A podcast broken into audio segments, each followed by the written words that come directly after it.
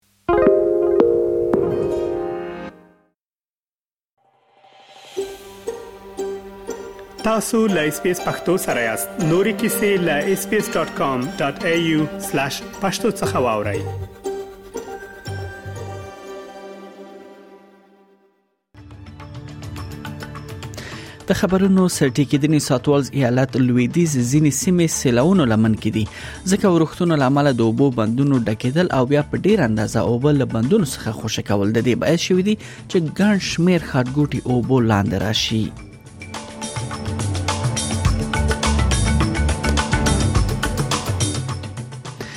بله خوا نن د استرالیا او هم د چین ولسمشران دوی سره د جی 20 یا د شل سترو اقتصادي هیوادونو د ناسې په سندو کې په انډونیزیا کې ګوري ولې د فدرالي خزانه وزیر جیم چالمرز وایي چې تمنه لري چې د چین د چین او د استرالیا ترمنځ ستونزې په یوه شپه حل شي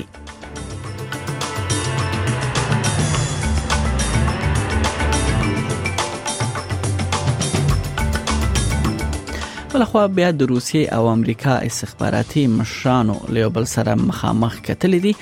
او له افغانستان او د پاکستان هغه فرضي کرخه چې د تر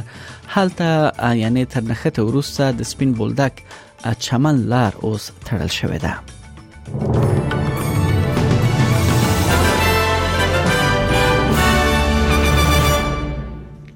اس بي اس پښتو خبرونه ته غواړی او اوس د ورځې تازه خبرونه تاسو وړاندې کوم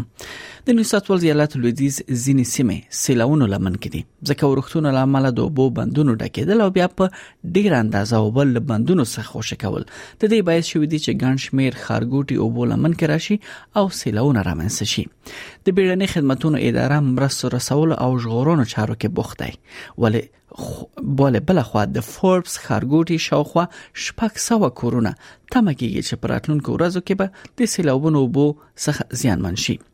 ګڼ شمیر سیمو اوسیدونکو ته ویل شوې دي تر څو خپل کورونه پریږدي لویدیز نیو ساوت ولز کې د لشلن سیند د تم ډیر او بو کچ لوړېدو سره مخ دی بل خو ته مکیږي چې د بو کچ به د چهارشنبه پورز لس اشاری اتم متر لوړ شي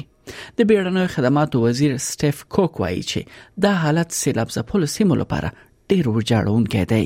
I'd like to acknowledge uh, that this just isn't people's houses. These are people's homes. It's their belongings, it's their memories, it's their livelihoods, and it's their futures. Uh, and everyone across New South Wales today is thinking of the communities right across the Central West uh, where we've seen inundation in many communities, including Canoundra, Yugara, and Molong. Uh, we are um, deploying as many resources as we possibly can دلته د استرالیا فدرالي خزانه وزیر جیم چارمرز بیا وایي چې تمه نه لري چې د چین د ولسمشر شي جینګ پینګ او لومړي وزیر انټونی البنیزي ترمنځ به د دوو هیوادونو مسله په یو شپه کې حل شي دواړه مشران به نن په بالی کې د جی 20 سرمشریزه په سنډه کې سره وګوري دا بل 2014 کال راهیسه لومړی ځل وی چې د استرالیا او چینای مشران لیوبل سره خبرې اترې کوي چین د استرالیا تر ټولو لوی سوداګریز شریک دی مګر په 2020 کې چین په استرالیا باندې د 10 میلیارډ ډالر په ارزښت سوداګریز بندیزونه ولګول چې پکې د اوربشو او شرابو صادراتو باندې تعرفه لوړول هم شامل دي خغلی چلمرز ای بي سي ته وویل چې استرالیا له چین سره د لا باثبات اړیکو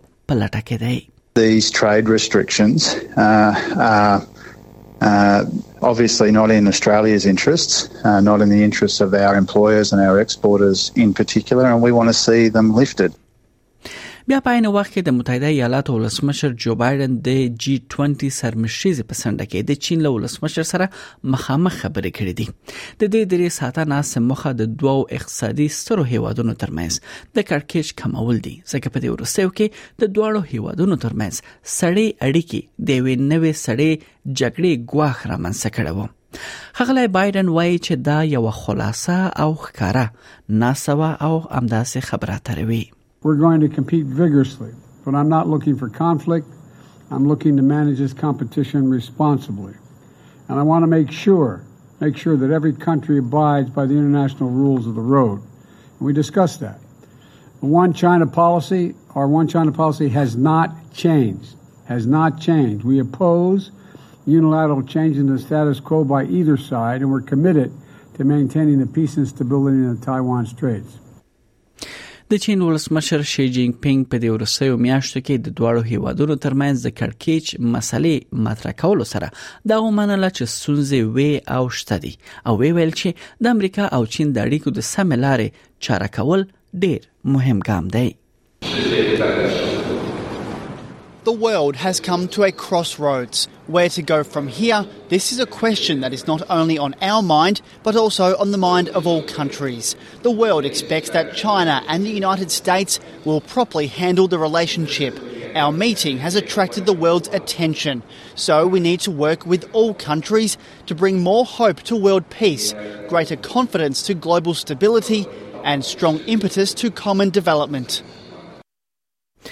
بلخوا په خندار ولایت کې د طالبانو سیمایزو چارواکو د سپین بولدک چمن دروازه کې د تیر ورځ نخته په تای سره ویل دي چې دغه دروازه او زهر ډول تګ راتګ پر مخ تړل شوې ده د طالبانو د قندار والی ویان حاجی زید پرون امریکا غږ ته ویل دي چې تیر ورځ په یاده دروازه کې د طالب سرتیر او پاکستاني ملیشو ترمنځ د سو تفاهم لامل ډز شوې دي خغلی زید ویل چې په دغه ډزو کې یو ملکی وګړی ټپي شوی دی هغه د دغه پیښې په اړه نور جزئیات نه دی ورکړي بل خبر دا ده چې په بنو کې د پیښور های کورټ څنګه په قومي اسمبلی کې د جنوبي وزیرستان اساسي او د پښتون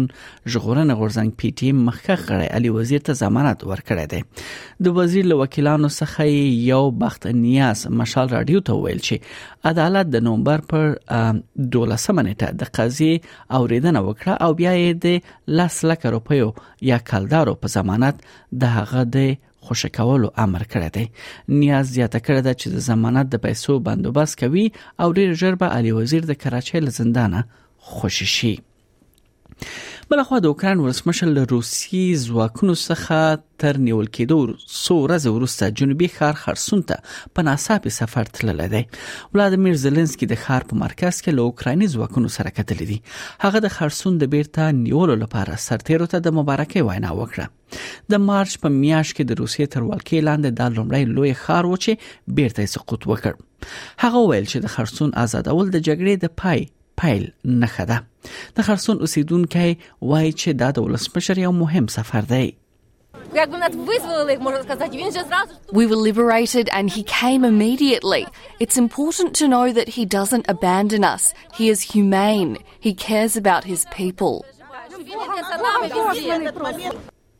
بلخوا د امریکا او روسیې استخباراتو مشانو د مسکو لخوا اوکراین کې د اټومي وسلو د کاریدو ګواښ او په غیر عادلانه ډول بند کې د امریکایي وګړو د ساتلو په اړه خبرو لپاره دوی لیدلې دي د سی آی مشر ویلیام برنرز او د هغې روسي سیال سرګي نرشکن دوشنبه دوشنبه په ورځ باندې د ترکیه پلازمینه انقره کې سره لیدل دي کرملین معنی ویل دي د خبرو ابتکار او امریکایي یعنی ابتکار د امریکایي اړخو دا پر اوکراین له يرغل راهیس د روسیې او امریکا تر ټولو لوړ کچې مخامخ لیدکاته دي بلخوا امریکا چې د نړۍ یو له هغو هیوادونو څخه دی چې پکې ټولو وژنې پیښې ډېرې تر سترګو کیږي د یاد هیواد د ورجینیا ایالت په پانتون کې د فوټبال درې لوبغاړي په دزو وژل شوې دي یاد برید کې دوه تنه نور ټپيان شوې دي د زه هغه مهال وشوي چې له زکونکو ډک یو بس له سایحه څخه راستون شو په دوی هغه مهال دزه وشوي کله چې د زکونکو دغه بس د پارکینګ ګاراژ ته وخوت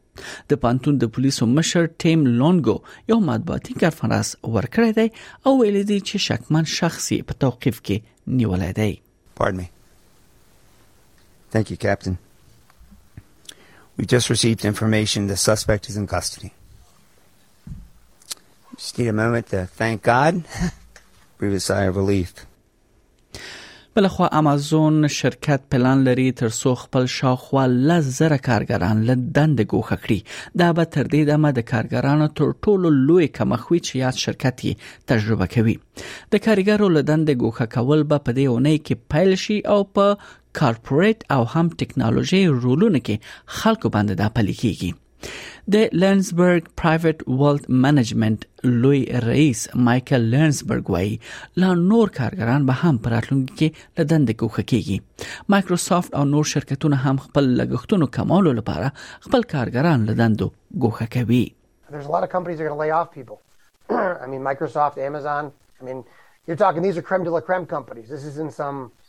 you know, little shady um, you know crypto environment here. These are these are as, as blue chip as it gets, and they're laying off a lot of people. That indicates to me that you know the tech is is you know still overowned, um, still probably overvalued, and at least the executives there are starting to realize that you know what our earnings aren't going to be what we thought they're going to be. We're going to need, need to cut expenses. دا هم یو سپورتي خبر دی قطر د نړۍ تر ټولو ډیر لګښت لرونکي نړیوال جام کوربتوب کوي د فوتبال نړیوال جام د قطر په کوربتوب د نومبر میاشت په 21مه نیټه پیلېږي د فوتبال په تاریخ کې قطر تر ټولو ډیر لګښت لرونکي جام کوربتوب کوي چې ټول ټال په دې جام باندې 209 میلیارډ ډالر لګښت راځي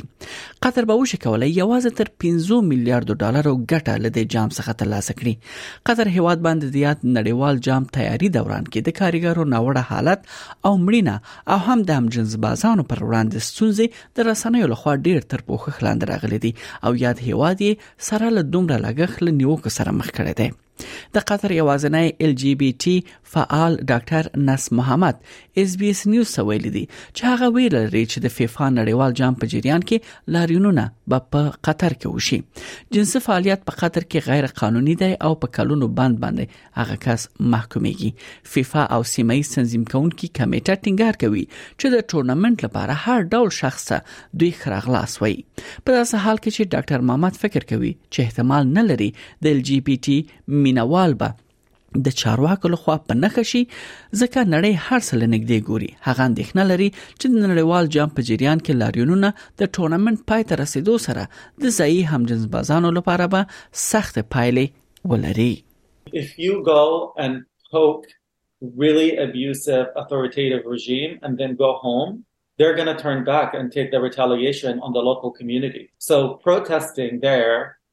is just slapping them on the face and leaving. And although it may feel really gratifying, and trust me, I'm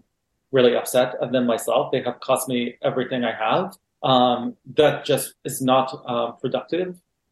And it can really hurt innocent people.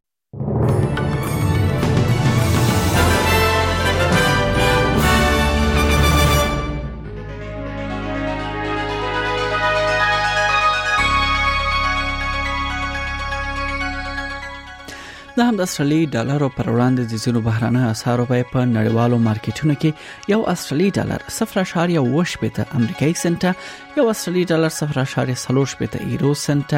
نه پنځوس اشاریه سلور دیش افغاني روپی یو سل اته سلویښت اشاریه دیالاس پاکستاني روپی یو اصلي ډالر سلور پنځوس اشاریه شپږ دیش هندۍ روپی دوه اشاریه سلور دوه اشاریه شپږ سلویښت اماراتي درهم او صفر اشاریه شپږ پنځوس انګلیسي پنسه ارزښت لري د همدا سولیت ځینو ښارونو نن لپاره د تودوخې تر ټولو لوړه درجه هغه هم د سانتیګریډ په کچه په سیدنی کې د باران اټکل دی لوړه درجه سلیری سانتیګریډ اټکل شوې ده په ملبن کې هوا باراني سوالس په برزبن کې هوا مریضه ده درې دیش په پرت کې هوا مریضه دیرش په اډلیډ کې د باران اټکل دی ولس په اډلیډ کې د باران اټکل دی یولس په کمبيرا کې اسمان برګ دی شپارس